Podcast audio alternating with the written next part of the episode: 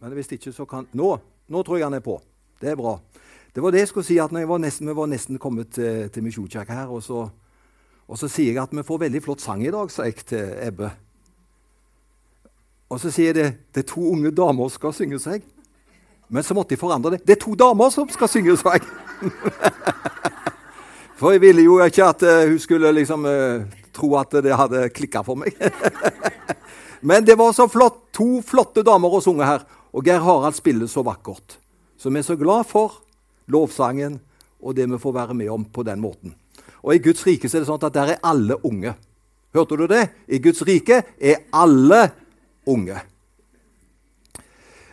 Det som er temaet mitt i dag, og jeg skal gå rett på sak fordi det har vært så mange flotte innslag så eh, da, du vet, Det var en predikant som sa det at jeg, jeg taler akkurat som trekkspillet, sa han. Jeg kan ta trekkspillet inn sånn, og så kan jeg dra det ut. Noen predikanter drar det hele tiden ut. Men jeg kan også dra det litt inn, så det blir en sånn passe lengde. Og det skal det bli i dag, for vi tror også at det skal bli en veldig fin fortsettelse. Og ikke minst når vi skal få feire nattværet sammen til slutt. Men det som er overskriften min, det er når alt blir snudd opp ned. For faktisk talt, det er ting i livet som blir snudd opp ned. Det blir ikke sånn som vi hadde tenkt. Eh, verdiskalaen er jo helt forskjellig mennesker imellom. Eh, altså, Vi mennesker eh, vi, vi, vi, vektlegger så mange forskjellige ting på så ulik måte. Men det vi skal prøve i dag, når alt blir snudd opp ned Vi skal se på dette gjennom Jesu øyne, hvis det går an. Hvilke verdier setter han høyt? Hva er viktig for oss som er med i Guds rike? Og det er ut ifra det jeg sier når alt blir snudd opp ned. For hvis menneskelig tanke til fullendt hadde blitt praktisert i våre kirker, da hadde ting vært annerledes enn det er i dag.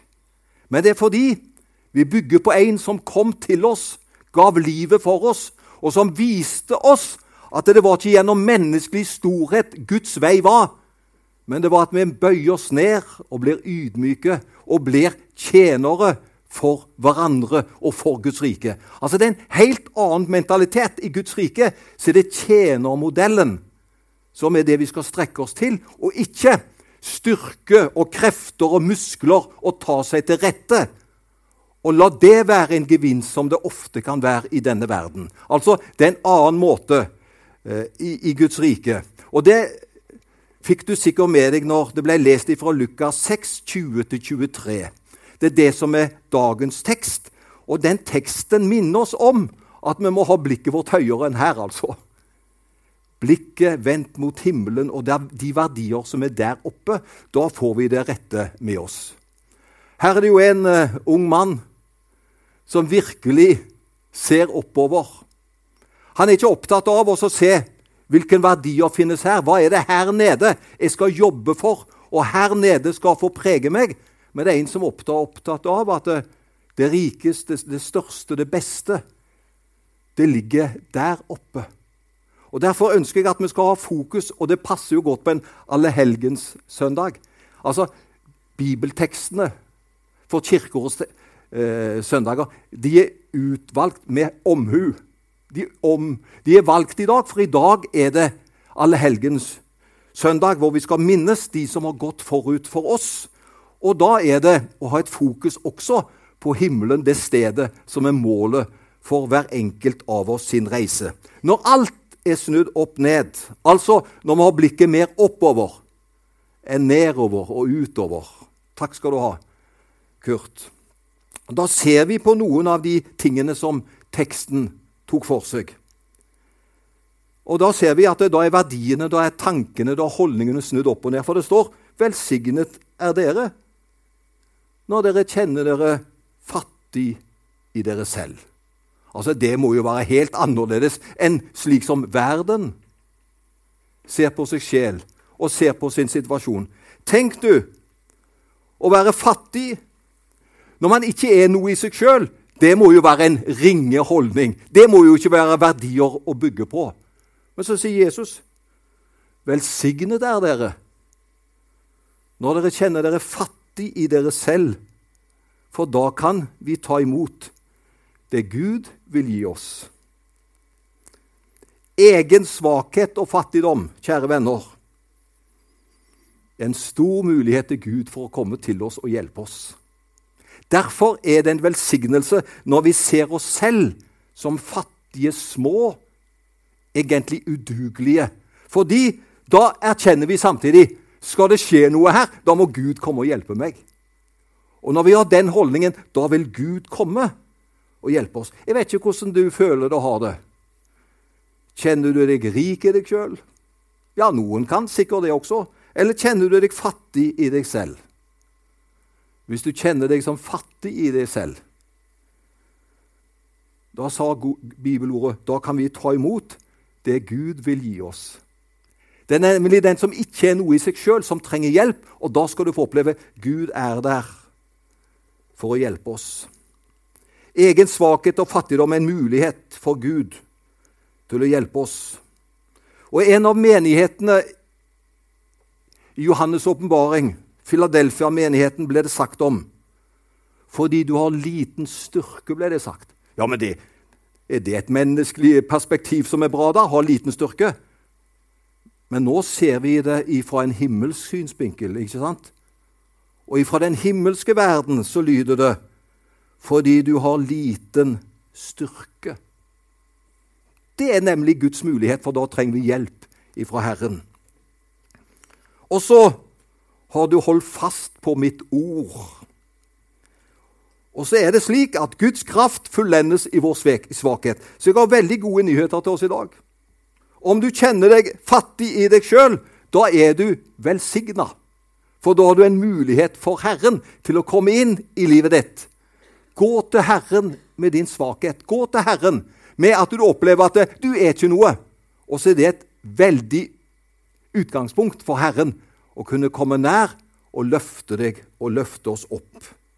Og Den neste velsignelsen, for her er det jo i motsatt, i bakvendt land, kan vi si.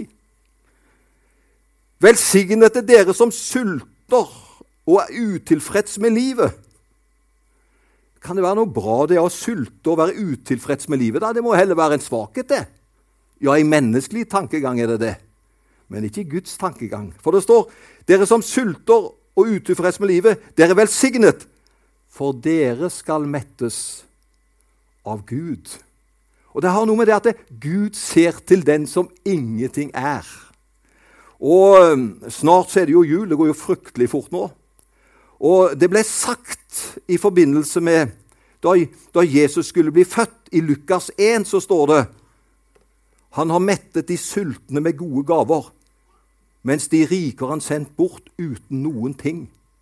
Altså, det, det er farlig å være høy på seg sjøl. Det er farlig å tro at man klarer seg sjøl og være mett i seg sjøl. Det er farlig. De sender han sultne bort. Men de sultne metter han med gode gaver. Det er Guds prinsipp. De sultne tar nemlig imot, og de sultne, det er de som spiser. Og så står det Det har jo virkelig med dagen i dag er Velsignet er dere som lar tårene renne. Tårene er også en velsignelse. Tenk hvor mange som har opplevd hva skal jeg si, en indre godhet gjennom tårene sine. Tenk om tårene hadde vært borte når man virkelig trenger å få utløp gjennom tårene sine. Jeg vil si det.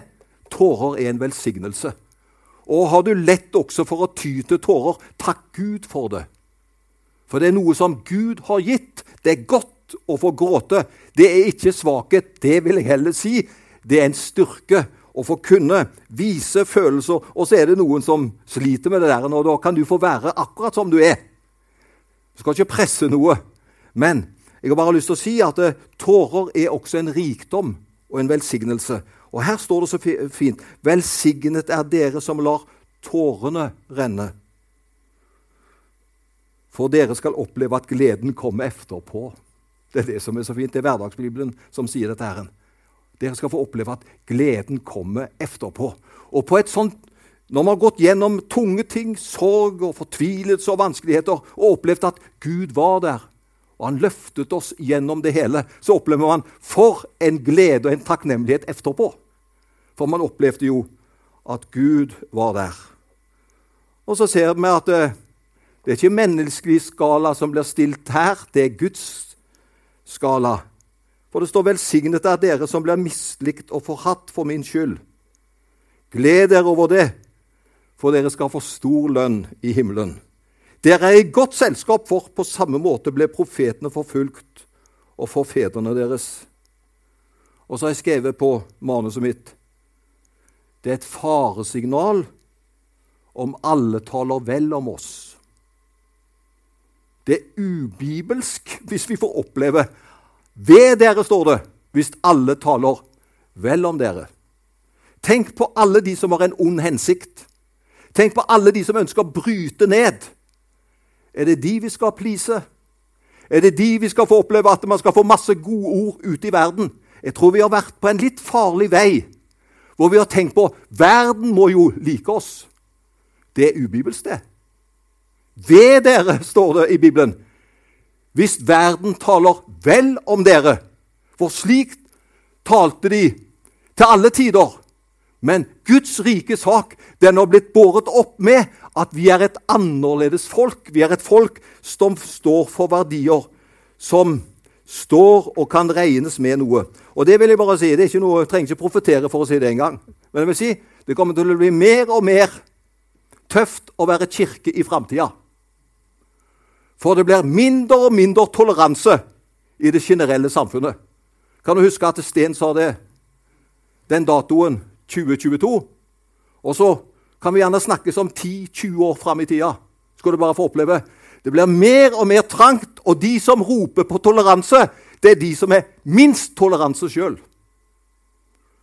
De var i et mindretall før, og da opplevde de den store kirken som noe som bare styrte systemet. Og de var i opposisjon. Nå er de kommet på andre siden av bordet, og de styrer utviklingen. Og da burde de lært hvordan de sjøl hadde det, og latt det samme prinsippet bli de på andre siden av bordet til gode. Og da kunne de sagt ja, vi skal iallfall ikke være slik som de opplevde Kirken var mot de. For Kirken har heller ikke til alle tider vært snill. Den har ofte også vært på de sterkes ressursene sin side, men slik er det ikke i dag. Det er endra. Og Derfor får vi oppleve det at intoleransen er dessverre stor. Og Derfor må vi ikke la oss skremme. Ja, ja, Om de skulle ta kirkeskatten ifra oss, hva så? Vi lever vel ikke ut ifra en kirkeskatt, vi. Vi lever ut ifra vi vil stå for Jesus. Vi vil tjene Herren. Vi vil utbre evangeliet, og så ber vi at dette skal bli bedre enn jeg kan frykte. Det ønsker vi jo at det skal bli bedre, men det er blitt stramma til. Og Derfor står det 'ved dere om alle taler vel om dere'. Det er ikke verden som skal applaudere oss, men det er vår Far i himmelen. Og Derfor skal vi be om at vi skal få gjøre Guds vilje, og at vi kan gjøre det på en god og en kjærlighetsfull og ikke minst på en visdomsfull måte. Ja, Jesus sier at eh, verdiene som han står for, er helt annerledes enn de verdiene som er i verden.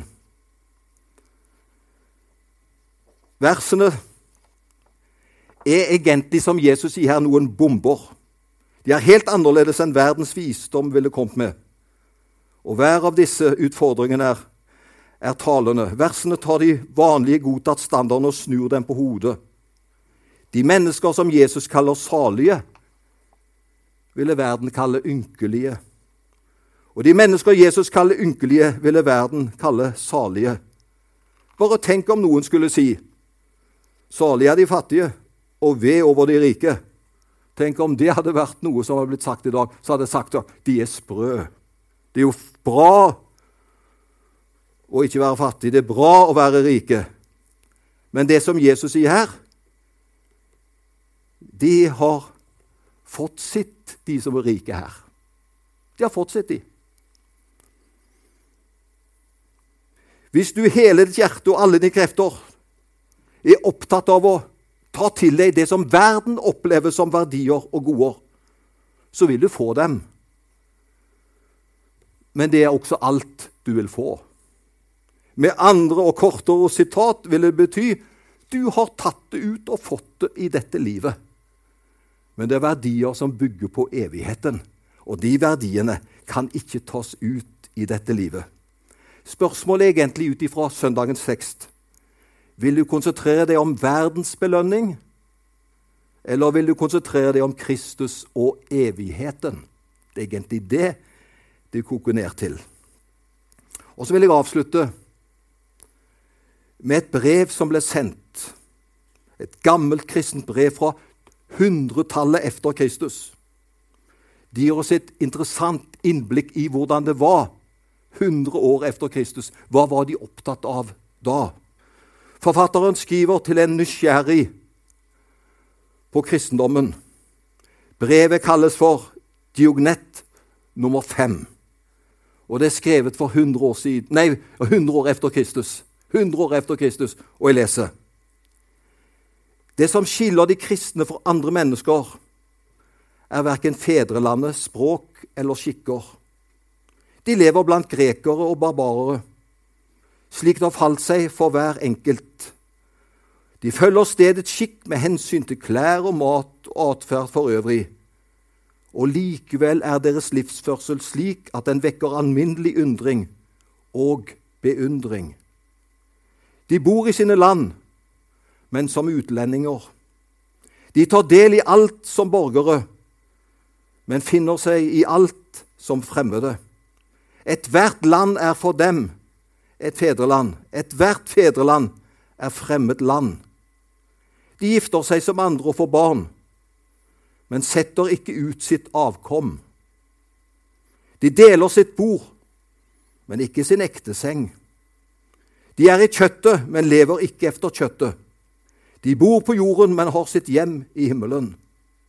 De adlyder de gjeldende lover, men gjør dem overflødige gjennom sin livs, livsførsel. De elsker alle og blir forfulgt av alle. De blir slått i hjel, men blir gjort levende. De er fattige, men gjør mange rike.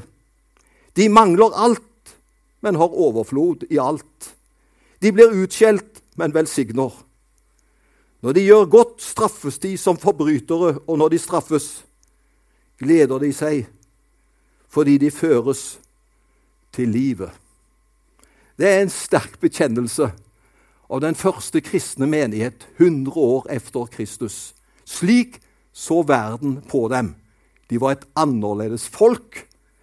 Og jeg tror vi skal ta disse skattene tilbake. Også i dag så skal vi være et annerledes folk som er full av kjærlighet, som er full av vennlighet, men som står for de bibelske og himmelske verdiene. Og Gud velsigne oss og hjelpe oss alle. Amen.